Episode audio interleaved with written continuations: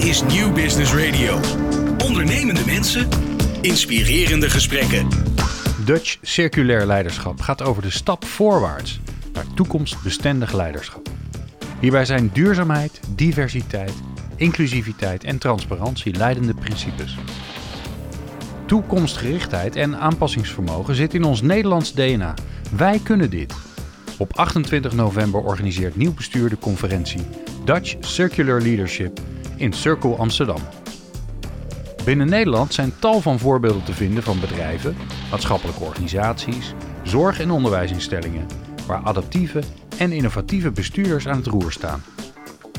Zij brengen niet alleen hun eigen organisatie in beweging richting een meer duurzaam bedrijfsmodel, maar zorgen voor wezenlijke verandering in het grotere systeem. Het lineaire systeem, dat circulair moet worden, omdat het lineaire groeidenken niet langer houdbaar is. Simpelweg omdat we maar één aarde hebben. In aanloop naar de conferentie op 28 november maken wij een podcastreeks waarin we inspirerende bestuurders interviewen over hun kijk op circulair leiderschap. In deze special zijn we te gast op het hoofdkantoor van de Nederlandse Bank in Hartje Amsterdam, waar Frank Elderson als bestuurder de scepter zwaait. Hij is onder meer verantwoordelijk voor het toezicht op alle Nederlandse banken. Elderson is tevens lid van de Supervisory Board van de Europese Centrale Bank. Sinds 2018 is hij voorzitter van de Central Banks for Greening the Financial System. Door het introduceren van de klimaatstresstest wist hij grote invloed uit te oefenen op het bewustzijn van de financiële sector met betrekking tot klimaatrisico's. Mildred Hofkes, oprichter van Nieuw Bestuur en initiatiefnemer van Dutch Circular Leadership Conference, sprak met hem. Nieuw Business Radio. Ondernemende mensen, inspirerende gesprekken. Let's talk business. Frank, dankjewel voor het ontvangst uh, dat we hier mogen komen in de Nederlandse Bank, de Centrale Bank van Nederland. Um, vandaag uh, gaan we eigenlijk samen het gesprek aan over uh, het circulair leiderschap en de rol die Nederland daarin speelt. Dus Dutch Circular Leadership. Fijke, Siebes moest daar een beetje om lachen, want die zei Dutch Circular Leadership, dat is toch gewoon Nederlands circulair leiderschap. Um, hè, want als we het dan toch over het Nederlandse model hebben, dan uh, is dat natuurlijk ook het uitgangspunt. Jij uh, bent uh, behoorlijk indrukwekkend bezig vanuit jouw positie. Je hebt al wat, behoorlijk wat dingen in gang gezet. Daar gaan we het straks ook over hebben. Over welke weg jij neemt om klimaat en klimaatneutraal, zeg maar, finance gedrag af te dwingen. Te proberen dat in gang te zetten. Maar waar wij het met Dutch Circular Leadership over gaan hebben, is eigenlijk over drie thema's die ik ook met jou wil bespreken. Eén is eigenlijk het einde van het lineaire economische model. Dat we begrijpen dat eigenlijk alles waar wij het over hebben, of nou klimaatstresstesten zijn, of uh, verzuring van de zee, of plastic soep, het zijn eigenlijk allemaal symptomen van ons eigen economische model. Uh, dus, en daarnaast zeggen we ook van ja, uiteindelijk zullen we toch een soort nieuw ecosysteem moeten creëren waarin we met elkaar oplossingen vinden in plaats van ieder voor zich. Dus daar is ook interessant om daar nog met jou op in te zoomen. En het derde is ook dat, dat, dat we natuurlijk heel goed beseffen dat niemand dit alleen kan. Dus alleen maar als we ons weten te verbinden, hè, kunnen we echt uh, deze grote thema's aanpakken. Maar ja, de eerste vraag is natuurlijk toch ook: waarom ben jij nou net degene die dit zo in gang zet? En waarom vind jij dit zo ontzettend belangrijk? Ja, ik denk dat als je op een plek zit waar je problemen daadwerkelijk kan helpen oplossen, dan, dan heb je eigenlijk geen keus. Dan moet je dat ook doen. dus mensen, mensen zeggen ook wel al natuurlijk heel lang van als je grote verantwoordelijkheden hebt, dan, um, dan, dan, dan, dan moet je die ook grijpen. En um, ik denk toen ik hier in de directie kwam, dus nu acht jaar geleden, toen um, ja, zijn er een aantal dingen die mij al mijn hele leven lang drijven. Waar ik ook kan vertellen waar dat een beetje vandaan komt. Maar die, die, die, kwamen, die kwamen toen bij, uh, bij elkaar. Bij wat ik verder hier gewoon als directielid allemaal kan en mag doen. En toen realiseerde ik mij dat de financiële sector een enorme hefboomwerking heeft op alle alle bedrijven, eigenlijk alle, alle economische activiteiten in, in een land, in Nederland, maar dat geldt natuurlijk wereldwijd. En dat wij als toezichthouder centrale bank op onze beurt weer een enorme hefboomwerking hebben op de financiële sector. Dus eigenlijk hebben wij een soort double leverage, als ik dan één keer wat in het Engels mag zeggen, um, op, um, op de economie. En omdat die economie moet veranderen, en die moet namelijk duurzaam worden. Um, eh, ja, was voor mij eigenlijk, eigenlijk was het niet eens een vraag. De vraag, er was wel een vraag, maar de vraag was namelijk hoe, niet of. Ja, hier moesten we wat aan doen. Maar de vraag hoe dat te doen, daar had ik acht jaar geleden nog helemaal geen antwoord op. Had jij voorbeelden of kon jij aan iemand optrekken die, waarvan je dacht, die, daar hoor ik het goede geluid? Nou, ik denk eigenlijk toch dat ik heel erg, heel erg gedreven uh, zelf uh, was. Ik het vaak uitleg, dus ik denk ook gewoon waar het is begonnen. Nou, heel lang geleden, toen ik als heel klein jongetje met mijn vader over de bosplaat op de Schelling liep. En daar, uh, daar, daar kleine plantjes aan het fotograferen was. Want we hadden daar, dat heb ik wel eens op springtij verteld, uh, we gingen altijd met vakantie en er hing een soort vergeeld, vergeelde poster aan de muur met alle beschermende planten van de Schelling erop. En mijn vader en ik hadden bedacht, die willen we allemaal fotograferen. Dus die zijn we allemaal gaan fotograferen. Alleen die staan allemaal op onherbergzame plekken daar op de Schelling. Dus dan een oude topografische kaart met van die stippellijntjes erop. En dan liepen we over die stippelpaardjes en dan vonden we dan af en toe uh, Zonnedauw of, of, of, of Parnassia, oftewel Riekende Nachtorgens. Nou, die hebben we allemaal gefotografeerd. En ergens denk ik dat daar is begonnen het besef dat wij onderdeel zijn van de natuur en dat dat allemaal ontzettend kwetsbaar is. En ook omdat ik dat fantastisch leuk vond, de diepe wens om dat te behouden voor mijn kinderen, mijn kindskinderen en daarmee natuurlijk eigenlijk gewoon voor iedereen. En um, dat, dat is denk ik één. En het tweede wat, wat, uh, wat, wat, wat mij drijft, is dat ik door, door mijn opleiding en ook op de middelbare school, uh, de klassieken lezend, um, heel erg in, in, in, in niet in, in, in jaren, in decennia, maar eigenlijk in eeuwen, millennia denken. Weet je, als je op een gegeven moment de oude Grieken leest en je ziet dat ze dus precies dezelfde vragen stellen. Ze vragen van, van, hoe, hoe moet een mens goed leven? Hoe moet je omgaan met het noodlot? Uh, wat, wat is het doel van het leven? Die vragen stellen we ons al duizenden jaren. En en dan realiseer je weer van, ja, weet je, eigenlijk gaan de generaties heel snel voorbij. Ook, ook mijn generatie is, die komt en die gaat.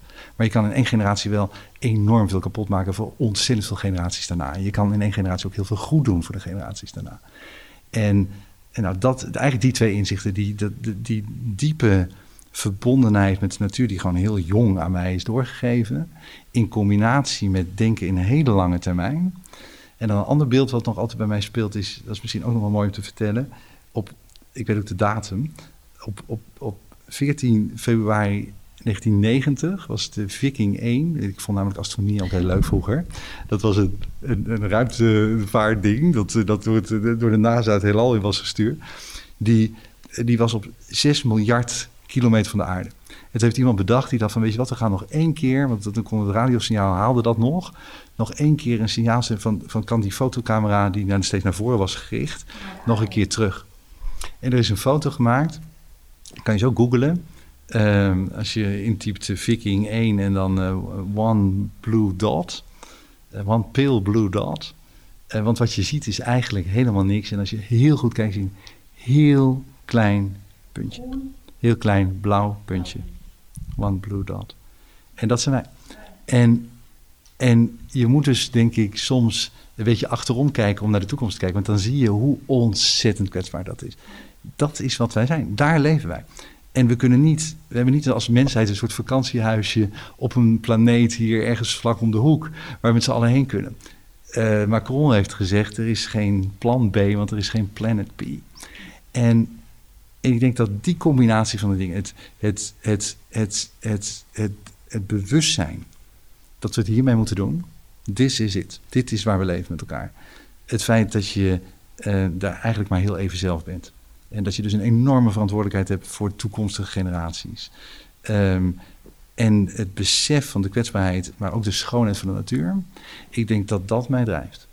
En dreef, acht jaar geleden toen ik in de directie kwam. Want eigenlijk, jouw pad is. Uh, jij bent hiervoor ook advocaat geweest. Of je hebt ook misschien wel een beetje ook in. Ik weet niet of dat zo waar is, uh, maar in die corporate wereld gezeten. Waar er toch andere normen zijn. Of vind jij niet? Dus je hebt ergens toch ook weer een bewuste keuze gemaakt om andere ja. stappen te nemen? Ja, ik heb. Ik heb um, na vier jaar advocatuur. Um, het besluit genomen om de advocatuur te verlaten. En dat kwam omdat ik. Um, een aantal maanden daarvoor, midden in de nacht, in de bibliotheek van dat advocatenkantoor. Ik werkte toen in Brussel. Uh, maar inderdaad in zo'n omgeving waar je aan refereert. Uh, een inzicht heb gehad voor een van onze cliënten. Dat was een Amerikaanse tabaksfabrikant. Uh, wat heeft gemaakt dat die uh, fabrikant nog langer um, grote billboards langs de wegen in Europa mocht zetten om te adverteren voor sigaretten. En ja, ik kom uit een familie van mensen die allemaal actief zijn in de, in de, in de, in de medische wereld. En als advocaat was ik daar om drie uur s'nachts ontzettend trots dat ik zoiets slims had bedacht, waardoor onze cliënt nog nou ja, gediend was met wat zij dan wil. Maar ik dacht, hoe, dit, dit wil ik helemaal niet. Ik ben tegen billboards met, uh, met, uh, met, met ondergaande zonnen en mannen met, uh, met, met cowboyhoeds op en sigaretten in de hand. Um, dus toen heb ik gedacht, nee, dit is niks. Ik wil niet zozeer het, het vak van advocaat, maar het feit dat je in zekere zin wordt ingehuurd door de meest betalende klant, dat je je intellect je, je energie inzet voor um, onderwerpen uh, en thema's en ambities van anderen. En niet voor iets waar je zelf heel erg achter staat. En toen ben ik gaan zoeken naar iets waar dat wel zo was. En dat heb ik toen gevonden bij de Nederlandse Bank. Um, en dat kwam weer omdat uh, hier toen is gewerkt aan de, aan de euro. Dit was namelijk in 1999. En ik het gevoel had dat als er nou één project is wat op dat moment de Europese samenwerking belichaamde, was dat de euro. Ik denk, nou ja, daar wil ik dan, uh, dat leek me ontzettend veel interessanter en ook veel meer in lijn met wat wij drijft dan um, sigarettenfabrikant. Nou, dat is helder. En toen kwam je hier en toen begon natuurlijk jouw, uh, jouw weg uh, naar de top. Of misschien was je, je bent natuurlijk, je hebt hier op carrière gemaakt. En jouw plan, jouw plan kwam natuurlijk steeds sterker naar voren. Wat je voor een invloed zou kunnen uitoefenen. Als je eenmaal hier ook, zat je al meteen ook aan het eind van de knoppen, zeg maar? Nee, nee. Dus, dus ik ben hier een beetje zigzaggend omhoog gegaan. Dat zal ik een beetje overslaan hoe dat is gegaan. Maar dat was wel een hele mooie tijd. Um, maar je, je dicht me nu toch te veel visie toe. Het is niet dat ik toen al een soort masterplan hoe, hoe ik deze wereld ging redden. Um, en daar wil ik je even meenemen naar het strand. Uh, dat was in 2011. Toen was ik net benoemd in de directie met Klaas Knot en met, uh, met Job Zwank en anderen. En toen hadden we een offsite en toen liepen we daar en ik weet het nog heel precies. Want het was enorm mistig. En dat vond ik eigenlijk heel erg grappig, want we dachten na over de toekomst, maar we konden dus echt geen hand voor onze ogen zien. En, um, en toen hebben we nagedacht over de missie van de Nederlandse Bank. En daar was een zin, die bestond al. En die was zoiets van, nou ja, wij doen al onze taken... Uh, omdat we streven naar financiële stabiliteit in Nederland... Uh, met het oog op uh, de welvaart in Nederland. Zo'n soort zin. Welvaart in Nederland. En toen heb ik samen met Johanne Kellerman, die ook in de directie zat toen... hebben we ervoor gepleit om daarvan te maken... met het oog op duurzame welvaart in Nederland. En daar hebben we een enorm heftig gesprek over gehad toen. met elkaar omdat, Waar ging het over? Nou, omdat mensen zeiden: oké, maar weet je, we zijn geen Greenpeace en we zijn geen natuurmonumenten, en we zijn geen both ends. En, en waarom is dat van de Nederlandse bank? En wat moeten wij met duurzaamheid? En wat betekent duurzaamheid eigenlijk precies? Um, en, um, en toen, toen zijn we een vertaalslag gaan maken die we nu veel beter kunnen verwoorden, maar die toen is ontstaan. En die had te maken met het is, heeft in ieder geval te maken met lange termijn. Wij zijn een lange termijn organisatie. We bestaan als DNB al meer dan twee eeuwen. Um, als jij uh, je huis uh, verzekert tegen brand en 40 jaar later gaat dat huis in de brand, dan hoop je dat die verzekeraar er nog is en dat dat huis daadwerkelijk wordt vergoed. Als je gaat sparen, als je vijf bent, dan wil je op je 95 dat geld nog kunnen halen bij de bank. Uh, als je gaat werken en je gaat pensioenpremie af, uh, of afdragen, dan wil je dat je dat uiteindelijk krijgt als je misschien drie kwart eeuw later uh, nog steeds leeft en met pensioen bent. Dus we hebben gedacht, ja, we zijn eigenlijk een enorme lange termijn organisatie. En als we een lange termijn organisatie zijn, dan moeten we zorgen dat ook de economie waarin al die financiële instellingen waar wij toezicht op houden, uh, functioneren. Dat ook die economie op een duurzame manier. Uh, en, nou, en toen hebben we dat woordje, dat woordje erin gezet. Maar dat was nog ver van een plan. Want wat er toen nog moest gebeuren, ook in mijn hoofd, was de vertaalslag naar. En wat betekent dat dan gewoon in ons dagelijks werk? Wat betekent dat voor ons pensioentoezicht, voor ons verzekeringstoezicht, voor ons bankentoezicht, voor ons als centrale bank, voor ons als autoriteit die het betalingsverkeer in Nederland stimuleert? Um, en daar hoort ook nog een verhaal bij. Want wat we eigenlijk op dat moment deden, was niet nadenken over onze echte kerntaken. Wij dachten na over, ook belangrijk, maar uiteindelijk niet doorslaggevend, over de koffiekopjes, moet dat van plastic zijn of niet? Uh, het is beter dat onze mensen, dat is trouwens ook heel veel beter, met de trein naar Frankfurt gaan in plaats van met het vliegtuig. Dus daar waren we over bezig en we hadden ook een NVO-jaarverslag en sterker nog, dat lieten we ook auditen. Um, en dat was onze redding, want om uh, dat geaudit krijgen, daar hoorde een, een, een, een vereiste bij. En dat was dat we stakeholder meetings moesten organiseren. En um, nou, 2011, ik zat net in de directie. Ik ging ook voor het intern bedrijf. Dus ik mocht wat vertellen over die, uh, dat NVO-jaarverslag. En hadden hier zo'n bijeenkomst. En waren dus al die, al die stakeholders. Ook mensen van NGO's en van banken. En een paar normale burgers, zou maar zeggen. Die waren er allemaal. En ik stond daar, dacht ik, een enorm overtuigend verhaal te vertellen. Over hoe goed wij bezig waren op het gebied van NVO. En toen stond er iemand op en die zei: Meneer Elson, u heeft er niets van begrepen. Hij zei het iets subtieler, maar daar kwam het wel op neer. Uh, want het gaat natuurlijk helemaal niet om die koffiekopjes, maar het gaat om jullie kerntaken. Dat zei hij ook niet zo, maar daar kwam het eigenlijk op neer. Was dat een burger? Nee, dat was iemand die werkte bij een van de banken. Oké, okay. goeie vraag. Ja, supergoeie vraag. Ik ben ook heel erg dankbaar voor. We laten ook nog een keertje de, elkaar weer uh, getroffen. Um, en eigenlijk, want anders kan ik uren hieraf bij, maar eigenlijk is de weg van 2011 tot nu er één waarin we eerst hebben gezocht en ik denk in toenemende mate hebben gevonden hoe we nu dit echt onderdeel kunnen maken van waar wij voor staan. En ik zeg heel vaak, zolang ik het nog begrijp, is het nog niet technisch genoeg. Want ik zit natuurlijk een beetje hier eh, een beetje te orakelen over, eh, over lange termijn strategie. Maar uiteindelijk gaat het om, om, om nou ja, klimaatstresstesting, scenario's, eh, ingewikkelde risico, de beoordelingsmodellen, de, kapitaalgewichten misschien op een gegeven moment. Dus alle, dan wordt het op een gegeven moment erg technisch. Maar nou ja, dat, dat moest gebeuren. En, en we zijn rapporten gaan maken, ik ben speeches gaan houden. Ik ben op een gegeven moment ook, om het te versnellen, uh, ja gaan zeggen op uh, uitnodiging om speech te houden. Terwijl ik wist dat we eigenlijk nog helemaal niet wisten wat we daar moesten gaan zeggen. Om mensen ook hier intern aan te zetten. Ik ben eigenlijk dwars door de hiërarchie heen uh, in een soort, soort, soort coalitie van, van welwillende, zou ik maar zeggen, van coalitie van willing mensen gaan opstoken om los van hun bazen en bazinnen gewoon dingen te gaan doen. Binnen de, binnen de Nederlandse bank. Ja, want het systeem veranderen, hè, wat jij dan, je had, eh, op een gegeven moment eh, zeg je, oké, het moest niet alleen over de koffiekopjes gaan, maar het gaat over, de core, over onze core business, onze kerntaken. Die heb ik op een gegeven moment gevonden, die puzzel, of die heb ik kunnen uitdenken van, oké, wat kunnen we dan doen? Maar dan ga je natuurlijk de, de organisatie ook meenemen in die systeemverandering. Wat kun je daarover vertellen? Nou ja, dat, dat gaat niet vanzelf. Um, dus, dus nou ja, de, de, de, verschillende mensen moet je op verschillende manieren aanspreken. Dus sommige mensen, vaak jonger, die worden enthousiast als je ze gewoon vertelt wat je drijft en waarom je dit belangrijk vindt. En die zijn eigenlijk al, al staan al helemaal in de modus dat ze dat ook, ook willen. En dat zegt, kom maar op, weet je, dat is een van de redenen waarom ik ook wil werken voor jullie. Anderen die al jarenlang hier hun werk doen, die denken, ja hallo, uh, die andere dingen zijn ook belangrijk. En waarom moet ik dit er nog bij? En wat gaan we dan niet doen? En dat zijn eigenlijk allemaal heel goede vragen. Um, en daarom moet je op een gegeven moment het beter gaan begrijpen. Dan moet ik het iets minder abstract maken, gewoon concreet. Um, op 1 januari 2023 moeten alle kantoorgebouwen in Nederland een C-label hebben of beter. En anders mag je het niet meer verhuren. Dat is wel een ding. Als jij een bank, als bank, allemaal uitzettingen hebt met dat soort kantoorgebouwen als onderpand. Um, of aan, uh, of aan nou ja, allerlei de eigenaren van die, van die gebouwen, et cetera. Want als ze dat op 1 januari 2023 niet meer mogen verhuren, dan is het dus gewoon helemaal niks meer waard. En dan dat neemt het kredietrisico toe. Dat noemen wij een transitierisico. Dus de, de, de, de, regering neemt maatregelen waardoor in de economie, en die maatregelen zijn bedoeld om de, de, de, de, economie voor te bereiden op eh, de klimaatverandering, of eigenlijk de gevolgen van de klimaatverandering zoveel mogelijk tegen te gaan. Dat is allemaal hartstikke goed, maar die creëren financiële risico's. En du moment, als je dat begrijpt en dit uitlegt aan mensen, of met mensen eigenlijk nog veel beter, met mensen dit ontdekt, omdat je ze de vrijheid heeft gegeven om hierover na te denken. Zeg van, weet je, help mij dan, zeg ik dan tegen hen, om te begrijpen hoe dit zou kunnen werken in jouw terrein.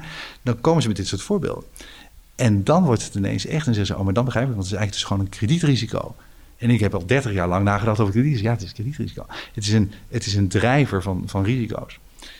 Dit is wat we een transitierisico noemen. Dus er komen maatregelen die worden getroffen. Daardoor dreigen de stranded assets te ontstaan. Is relevant voor pensioenfondsen, voor verzekeraars, voor banken. Maar er zijn ook fysieke risico's. Makkelijker te, te begrijpen voor veel mensen. Want heel concreet, het gaat vaker regenen, het gaat vaker hagelen. Als jij kassen verzekert en, die, uh, en, die, en het hagelt vaker, dan gaan ze vaker kapot. Moet je rekening mee houden in je modellen, in je premiestelling. Uh, du moment dat mensen dit begrijpen, ehm, vertalen ze het naar wat hun werk is, wat hun vak is. En dan zeggen ze, oh, maar wacht even, nu begrijp ik het. Hier kan ik wat mee. Hier moet ik wat mee. Want deze risico's mogen helemaal niet on... on of die, die mogen we niet... Die, die moeten we adresseren.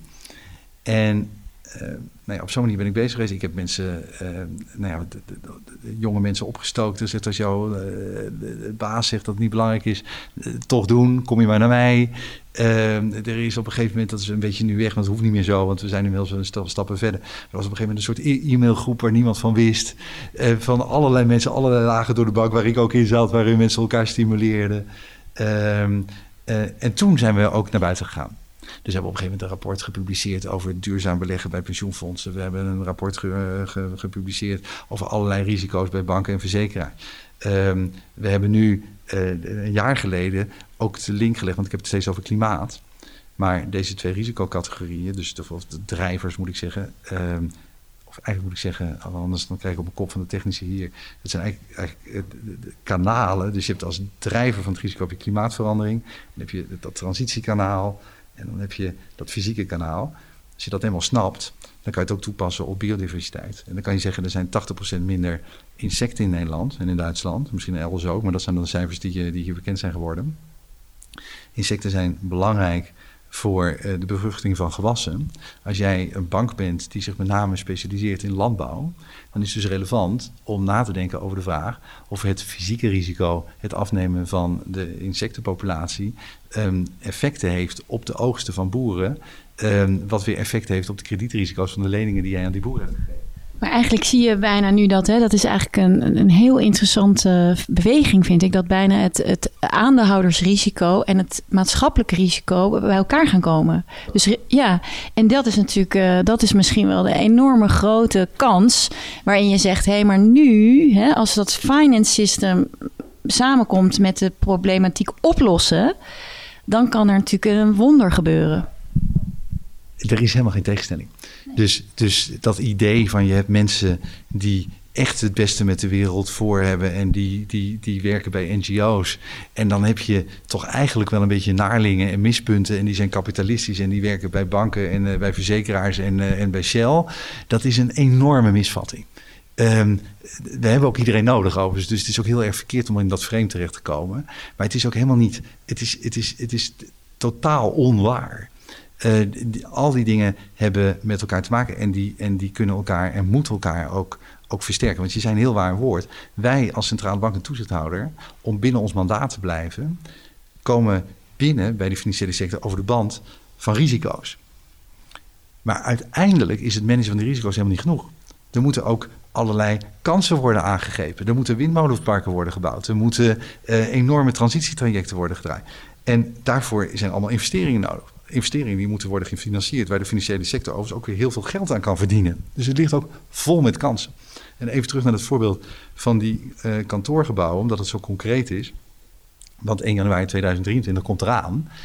Wij komen dus binnen, twee jaar geleden, bij de banken en zeggen: Heb je nagedacht over de labels van jouw kantoorgebouwen? 50% van de banken had dat nog niet gedaan. De andere 50% had dat gedaan bij ongeveer 50% van de banken waar zij exposures op hadden. Um, maar gedurende dat onderzoek is iedereen dat als een halve garen gaan, gaan inventariseren. Maar wat er dan gebeurt is dat iedereen vervolgens denkt: oh, maar dan zijn hier ook kansen. Want ik ben een bank en ik ga naar jou als klant en ik zeg: Jij hebt een probleem, want je hebt een vies gebouw, maar ik ben onderdeel van jouw oplossing. Want ik kan jou geld lenen en dan kan je dat, uh, dan kan je dat natuurlijk uh, klimaatneutraler maken, of in ieder geval uh, energie-efficiënter. Ehm, dat kost je wat extra, maar dat kan ik jou lenen, maar dat kan terugbetaald worden uit de positieve business case, et cetera. Dus ja, wij hebben die leverage. Dat hebben we, of de hefboomwerking, um, dat hebben we vanwege ons mandaat om de financiële sector continu te bevragen op of zij hun risico's goed managen. Maar du moment dat wij dat doen, en heel vaak natuurlijk ook zonder dat wij dat doen, maar ook als wij dat doen, um, dan denk ik, hé, maar aan de andere kant van risico, aan de andere kant van die medaille, daar zit ook kans, opportunity. En die moet worden gegeven. Maar jij hebt dus een soort taal gevonden om deze transitie hè, in werking uh, te brengen, die begrepen wordt door de andere kant van de tafel. En merk jij dan nu ook in Europa bijvoorbeeld dat die taal algemener wordt? Of is Nederland daar echt voorloper in? Nee, gelukkig wordt dat algemener en dat gaat eigenlijk nu ook heel erg snel. En eerlijk gezegd, als je me dit twee jaar geleden had gevraagd, of moet ik eigenlijk misschien zeggen tweeënhalf jaar geleden, dan uh, had ik, was ik daar een, stuk pessimistischer over geweest dan ik nu ben. En dat zeg ik omdat uh, op het initiatief Ere wie Ere toekomt van, uh, van de Franse Centrale Bank, de Banque de France, eind 2017 ehm, is opgericht een, ja, je zou kunnen zeggen, een vereniging van centrale banken en, en, en, en toezichthouders in de wereld. Uh, wij noemen dat dan het NGFS, de Network for uh, the Greening of the Financial System.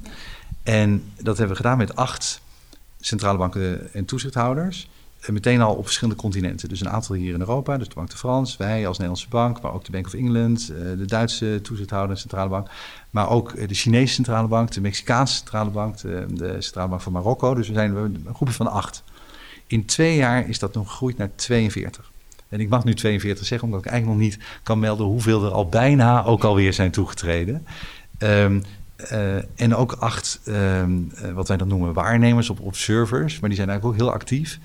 En dan moet je denken aan de Europese Centrale Bank, um, maar uh, ook de, de OECD en de Wereldbank.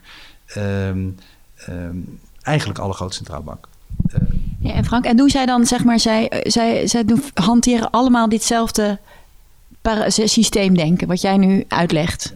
Nou, wat we nodig hadden was dat die inzichten die wij en ook voor een deel dus in, bij de Bank of England en bij de, bij de Bank de France eh, zo langzamerhand waren ontstaan in de afgelopen jaren.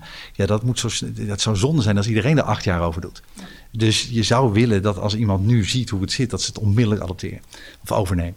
En dat is gelukt. We hebben eigenlijk heel snel een rapport geschreven waarin we, eh, dat is een, dik rapport, maar eigenlijk is er maar één zin die ertoe doet. Want die zegt, Climate change is a driver of financial risk. En die paar woorden, die zeggen dus dat het, is, dat, dat het, dat het van ons is. Want wij gaan over financiële risico's. Wij zijn opgericht om te helpen financiële risico's te mitigeren. Uh, tegen te gaan, te minimaliseren. En door te zeggen, eigenlijk is dit een soort, soort ultieme uit de kast komen van de centrale banken, toezichthouderwereld. Van, weet je, dit is van ons. En niet het hele klimaatprobleem op zich, want daar zijn regeringen voor nodig om dat op te lossen. En er zijn allerlei andere partijen voor nodig om op te lossen. Maar het feit dat dat een een, een, een, een instigator is, een drijver is van financiële risico's, maakt dat wij ons ermee mogen en dat wij ons ermee moeten bemoeien. En sterker nog, dat het ook niet nodig is om daarvoor onze, om, de wetgeving te veranderen. Je hoeft niet een wet te maken die zegt de Nederlandse bank mag zich bezighouden met een financieel risico. Die wet is er al lang. Je moet er alleen in lezen dat klimaat dat, dat, vanaf nu relevant is. En dat biodiversiteitsverlies relevant is. En dat grondstoffenschaarste relevant is. En dat mensenrechten relevant zijn. Allemaal drivers van financial risk. En nou, dat hebben we opgeschreven in dat rapport. En het grappige is dat laten we zeggen, de, de toename van het ledental niet is gestopt toen, omdat iedereen dacht, oh, dat is niet van ons. Maar dit is versneld. Dus in toenemende mate zien centrale banken en toezichthouders uh, nou ja, wereldwijd. is één jurisdictie die nog dapper, of niet zo dapper, maar weerstand biedt, maar dat, dat moeten we nog oplossen. Uh, maar um, die zien dat dit, hier is geen ontkomen aan. Dit is van ons. En ooit worden ze allemaal ook weer gestimuleerd door hun eigen financiële sector die in toenemende mate dit natuurlijk ook doet. Die, want die zijn bezig met hun risico's te managen. Dus het is niet alleen nog maar nodig dat wij als centrale banken, eh, laten we zeggen, hier de hele tijd maar, maar, maar, invloed zitten uit te oefenen. Dat is belangrijk en dat kan het versnellen. Um, maar er zijn natuurlijk allerlei uh, voorlopers in de financiële sector wereldwijd die, die eigenlijk geen zetje meer nodig hebben er zijn allerlei achterblijvers die dat nog wel nodig hebben. Maar, maar neem ons eens mee naar zo'n vergadering. Eh, eh, ik voel enorme enthousiasme bij jou van hè, dat beweegt daardoor. Het is het impact. Hè, je voelt haast de impact die daarvan uitgaat. Is dat dan ook voelbaar als je met zo'n internationale centrale bankorgaan met elkaar dat gesprek aangaat? Voel je dan dat, dat je denkt, jeetje, weet je, er, oeh, we krijgen hou vast. Ja, en dat is eigenlijk ja, het is moeilijk voor mij om te verbloemen dat ik hier enthousiast over ben. Dat zie je ook aan mij. Maar dat komt omdat ik, ik, ik, ik, ga al jaren naar internationaal overleg. En dat zijn allemaal in, in ja, dan, dan ga ik de chique woorden gebruiken, maar zo, zo praten we dan. Dat zijn allemaal gremia en fora, dus groepen, bestaande organisaties. Um, die ja, een bepaalde snelheid hebben. En, en, eigenlijk wordt daar het woord snelheid niet bij. Dat gaat allemaal tamelijk traag. Langzaam. En waarom? Omdat dat niet organisaties zijn, zijn opgericht met een heel concreet doel. En omdat, wie zitten daarin? Gewoon de grote landen en de kleinere landen die zich daarbij hebben kunnen, een plekje hebben kunnen verwerven. En die zitten daar gewoon omdat zij bestaan. Hier is het anders. deze club is een coalition of the willing. Je kan hier ook niet zomaar lid van worden. Je moet lid worden en je moet je zeggen, dat, wat, er, wat erbij hoort is... namelijk dat de topvrouw of topman van de organisatie... mij als voorzitter van die club een brief schrijft... Dus niet het hoofd duurzaamheid, want die willen allemaal wel. Maar de topvrouw of topman. En die moet zeggen: Ik wil hier lid van worden, want deze hele organisatie wil lid van worden. En we willen voorafgaande actie. Dus niet alleen maar wij willen hier wat gaan doen, maar wij hebben ook al dingen gedaan. Uh, onderzoek, rapporten, congressen organiseren. En heel vaak wat, wat je ziet is dit werft zijn schaduw vooruit. Dus dat hebben ze dan nog niet gedaan. Maar dat lezen ze in de voorwaarden. En dat gaan ze dan eerst doen. En dan komen ze aan mij vertellen van... hé, hey, dat hebben we inmiddels gedaan. En om de tafel zit dus die hele grote groep van... inmiddels dus nu en groeiend 42 centrale banken en toezichthouders. En iedereen die daar zit, wil daar ook zitten. En dat maakt dat het ontzettend veel sneller gaat dan in de bestaande fora. Want in die bestaande fora zitten ook die paar jurisdicties, die paar landen die niet willen. Uh, die willen vertragen. Die hier met angst en beven naar kijken. Die een hele grote fossiele industrie hebben. Die overigens begrijpelijke zorg hebben bij deze veranderingen. Maar, maar dat hebben toch alle centrale banken hebben toch ook te maken met die klassieke traditionele industrieën. Ook in, hè, dat zit natuurlijk in, ook in ons land overal. Daar zitten zulke grote belangen. Hoe, hoe zie jij dat? Nou ja, op het moment dat je het mechanisme begrijpt dat de landen van de wereld um, het verdrag van prijs hebben getekend. En dat ze hebben gezegd, we gaan deze wereld leefbaar houden. Um, en dat betekent dus klimaatbeleid. En dat betekent dat we de economie uh, in een transitie gaan brengen zoals de economie nog nooit heeft gezien. En we gaan van een fossiele naar een non-fossiele economie. Dat gaan we met elkaar doen. En dat is nodig om gewoon met z'n allen op deze planeet te kunnen overleven. Um, du moment dat je je dat realiseert, um, weet je dus ook, en dat zal misschien allemaal trager gaan dan we wilden, maar dit gaat niet meer weg, dat er beleid gaat komen. De, en dat beleid wordt, naarmate we het verder uitstellen, alleen maar radicaler.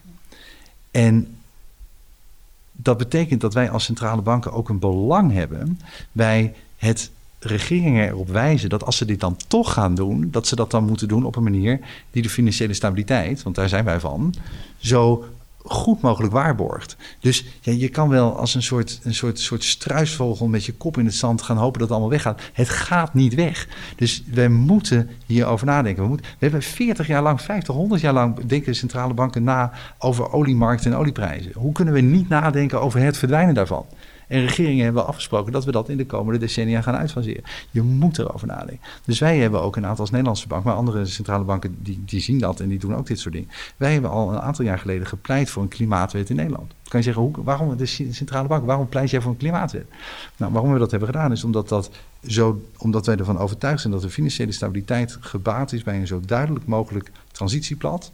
Hoe eerder uh, financiële instellingen en daarmee de hele economie weet wat de plannenmakerij is. Wanneer moeten dan al die kantoorgebouwen een C-label hebben? Wanneer moeten alle kantoorgebouwen een A-label hebben? Wanneer mogen er geen dieselauto's meer rijden in Nederland? Wanneer mogen er geen benzineauto's meer rijden in Nederland? Wanneer wordt de laatste kolencentrale ge, gesloten? En al die stappen, die wij allebei gaan meemaken nog. Um, hoe eerder we dat weten, hoe eerder daarop kan worden ingespeeld. Hoe eerder uh, businessmodellen daarop kunnen worden aangepast. En hoe geleidelijker, hoe snel het ook moet, maar hoe geleidelijk eigenlijk ook die transitie kan worden gedaan. En hoe, um, hoe, min, ja, hoe minder bijwerkingen het ook heeft. Want dit is natuurlijk uiteindelijk een heel zwaar medicijn wat we met elkaar moeten gaan trekken. En dat willen we natuurlijk uiteindelijk doen met zo min mogelijk bijwerkingen. Maar net doen alsof dit niet zo is, oren dicht, ogen dicht, mond dicht, um, leidt tot een veel grotere impact uiteindelijk op de economie. En daarmee ook gewoon op alle mensen in de economie. Dan nu zo snel als we kunnen de goede maatregelen treffen. Jij had het over jouw enthousiasme voor de euro. Hè, dat dat natuurlijk een samenwerkingsverband is geweest, wat eh, heel bijzonder is geweest. Hè. Dat is natuurlijk een unieke samenwerking binnen Europa. Uh, de klimaatakkoord 2015 is er volgens mij ook zo een die heel bijzonder was, omdat de hele wereld eigenlijk, eigenlijk meedeed. Nu uh, beschrijf jij ook die centrale banken, dus die betekenisvolle netwerk. Vind ik heel mooi hoe je dat vormgeeft. Ik wil nog even terug naar de Dutch way of doing it. Hè? Het is ook wel eigenlijk super interessant dat al die mensen dan uh, een brief schrijven aan jou. Is dat toeval? Of is het de Dutchman? Nou, hier is een mooi. Ik denk dat er een mooie combi is. Want het secretariaat van, uh, van dit netwerk uh, wordt gevoerd vanuit uh, de Banque de France. En ik denk dat de, de, de diplomatieke vaardigheden van, van, van, van de Fransen, gepaard aan ehm, ja, mijn relatief geringe uh, hiërarchiebesef en enthousiasme en um, ja, durf om ook maar gewoon uh, stappen vooruit te zetten zonder dat we misschien alles hebben doorgerekend. Die combi leidt ertoe dat ja, er zijn partijen die ons uit zichzelf vinden, maar er zijn natuurlijk ook partijen die voorzichtig worden gesuggereerd dat ze ons zouden kunnen vinden. Dus op die manier proberen we dat natuurlijk op allerlei manieren te versnellen. En Frank, nou, ik toch nog een klein beetje terug naar Nederland. Um, dit zou natuurlijk ook een enorme kans voor Nederland kunnen zijn, dat circulair leiderschap. Want uiteindelijk gaat de hele wereld, hè, ook door beleid, toenemend beleid, toenemende urgentie, zo wereldwijd allerlei maatregelen worden genomen waardoor organisaties om moeten. Uh, het uitvinden hoe dat moet, dat is ook eigenlijk een van de, de kernvragen die wij willen onderzoeken op dat circular leadership. Um, hoe zie jij dat zelf? Uh, denk je ook dat Nederland daar ook een voortrekkersrol in kan innemen? Misschien wel hè, binnen Europa, uh, wereldwijd. Hoe zie jij dat? Nou, ik denk dat, ik denk dat er een fantastische kansen liggen. Um, weet je, als je gewoon even begint bij het woord duurzaam. Duurzaam betekent dat het kan voortduren. Als iets niet duurzaam is, dan verdwijnt het. Dus hoe ik het vaak uitleg is, eh, is dat het is gewoon niet zo'n hele goede strategie om alles in te zetten op iets wat verdwijnt. Um, dus als je toch bij morgen wil horen en niet bij gisteren, ja, dan zou ik zeggen, zullen we dan ook gewoon bij de winnaars horen? Zullen we dan ook de vruchten daarvan plukken? Op een gegeven moment ja, staan die windpolenparken er, wereldwijd. Um, zullen wij ze dan ook maar bouwen? Um, maar dan moeten we dus goed worden in het bouwen van die windmolenparken. Dan moeten we goed worden in de financieringsconstructies daarvan. We hebben natuurlijk een hele sterke financiële sector ook in Nederland. Um, laten we dan bij de winnaars horen. Laten we het zo snel mogelijk doen.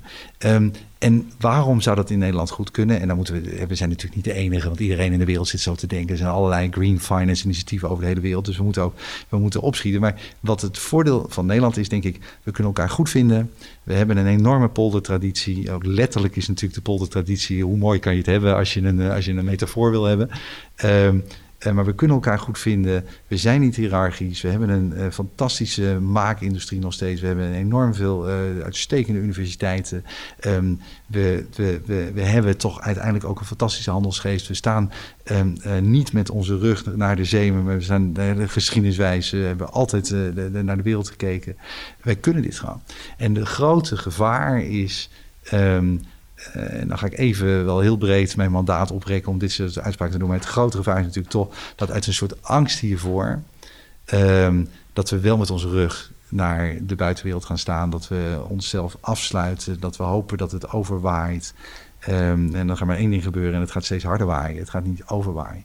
En um, dus dat moet niet gebeuren. We moeten taal vinden, concrete voorbeelden verzinnen. Niet alleen maar praten, maar ook doen uh, en, en, successen boeken om mensen te laten zien dat je ontzettend veel geld kan verdienen met windmolenparken. Dat je ontzettend veel geld kan verdienen met de energietransitie. Dat je fantastische nieuwe dingen kunt verzinnen. En dat we uiteindelijk daarmee een wereld achterlaten die gewoon nog veel fijner is om te leven. Waarin we niet meer onze rots op straat gooien, maar niet meer onze rotzooi in zee gooien. Niet meer onze troep in de, in de, in de atmosfeer uh, spuiten. Waarin we gewoon een wereld achterlaten die echt mooier, beter, duurzamer is dan we die hebben aangetroffen. Ja, Frank, er zijn een heleboel bestuurders die zijn uh, natuurlijk hiermee bezig en die voelen zich ook onzeker omdat ze niet goed weten hoe ze die transitie moeten vormgeven, hoe ze dan bij hun core business kunnen komen om het in lijn te brengen met wat nodig is. Dat gaat ook over henzelf, misschien over eigen angsten overwinnen, eigen, he, eigen conditioneringen loslaten. Wat, kan je, wat heb jij daarvoor gedaan? Ja, wat, wat ik heb gedaan is bij mezelf nagaan wat ik echt belangrijk vind, wat mij echt drijft. En vervolgens dat gaan vertellen en uitstralen aan de mensen hier binnen de Nederlandse Bank. En hen vragen, hoe kan jij dat vertalen naar jouw technische werk?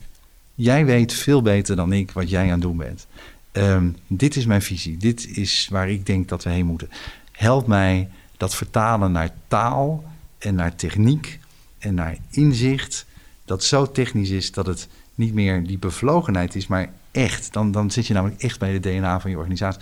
En dat kan overal. Dat kan, ook, dat kan ook iemand die bij de Hoge Raad werkt. Dat kan iemand die bij een redactie werkt van een, eh, van, een, van een nieuws, eh, nieuws, eh, nieuws agency. Dat kan de schoolmeester of juf zijn die nadenkt over wat ga ik die kinderen eigenlijk dit hele jaar vertellen. Dat, dat zijn kinderboekenschrijvers die moeten nadenken over welke thema's ze kiezen. Iedereen moet terug naar, de, naar het DNA, naar de kern van zijn of haar activiteit. En als je daar echt over nadenkt en je kan dat paren aan die visie, ja, dan hebben we denk ik de allergrootste stappen gezet. Ja, mooi hoor. De, uiteindelijk uh, gaat het daar natuurlijk ook over dat dicht bij jezelf. Uh, veel bestuurders zeggen ja, al wil ik, het, wil ik het, dan noemen onze aandeelhouders het ook flauwekul. Hè, of uh, toezichthouders vinden het allemaal onzin. Wat geef je hun mee? Nou, je moet ontzettend oppassen dat de, de angsten van vandaag niet wordt, worden gevoed door de realiteit van gisteren. Dingen veranderen echt heel snel. Um, vandaag lees ik een bericht over een pensioenfonds in Denemarken. Toevallig, dat had ook een andere pensioenfonds kunnen zijn hier in Nederland of waar dan ook. Maar toevallig vandaag stond in de media... een pensioenfonds in, uh, in Denemarken heeft besloten om te divesten... van alle tien de grootste oliemaatschappijen wereldwijd waarin zij geïnvesteerd zijn. Omdat zij onderzoek hebben gedaan en hebben geconstateerd dat geen van de tien grootste oliemaatschappijen op dit moment een Parijs-compatibel businessmodel heeft. Um, dus als jij um, uh, CEO bent van een grote oliemaatschappij, maar dit geldt natuurlijk eigenlijk veel breder. Um, en je hebt deze twijfel en je denkt, mijn aandeelhouders willen dat niet. Er zijn inmiddels meer dan genoeg aandeelhouders die dit alleen maar niet niet willen. Ze willen dit heel erg wel. En ja, dat is een. Natuurlijk is dat een. een, een, een, een, een, een, ja, wat zal ik zeggen? Een beweging die, die langer tijd nodig heeft. Je kan ook nog jarenlang ontzettend veel geld verdienen in olie. Maar langjarig. En als jij een maatschappij bent die ook alweer 100, 150 jaar bestaat, dan wil je natuurlijk ook nog 100, 150 jaar bestaan. Dan zal je onderdeel moeten zijn van die toekomst. En in toenemende mate willen aandeelhouders, willen financiële instellingen eh, ook onderdeel zijn van die toekomst. Want ze realiseren zich namelijk dat dat onderdeel is van hun mandaat.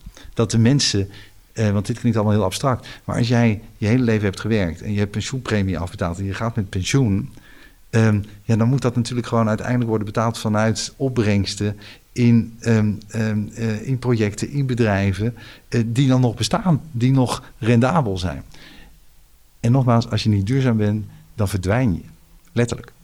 Dankjewel Frank voor deze hele heldere inkijk in het nieuwe normaal eigenlijk. Volgens mij is het heel veel strek duidelijk waar de wereld zich naartoe begeeft. In ieder geval vanuit jouw perspectief, vanuit het financiële stelsel, wat natuurlijk een, ja, een van de grote drijfveren is voor de economie en voor de transitie.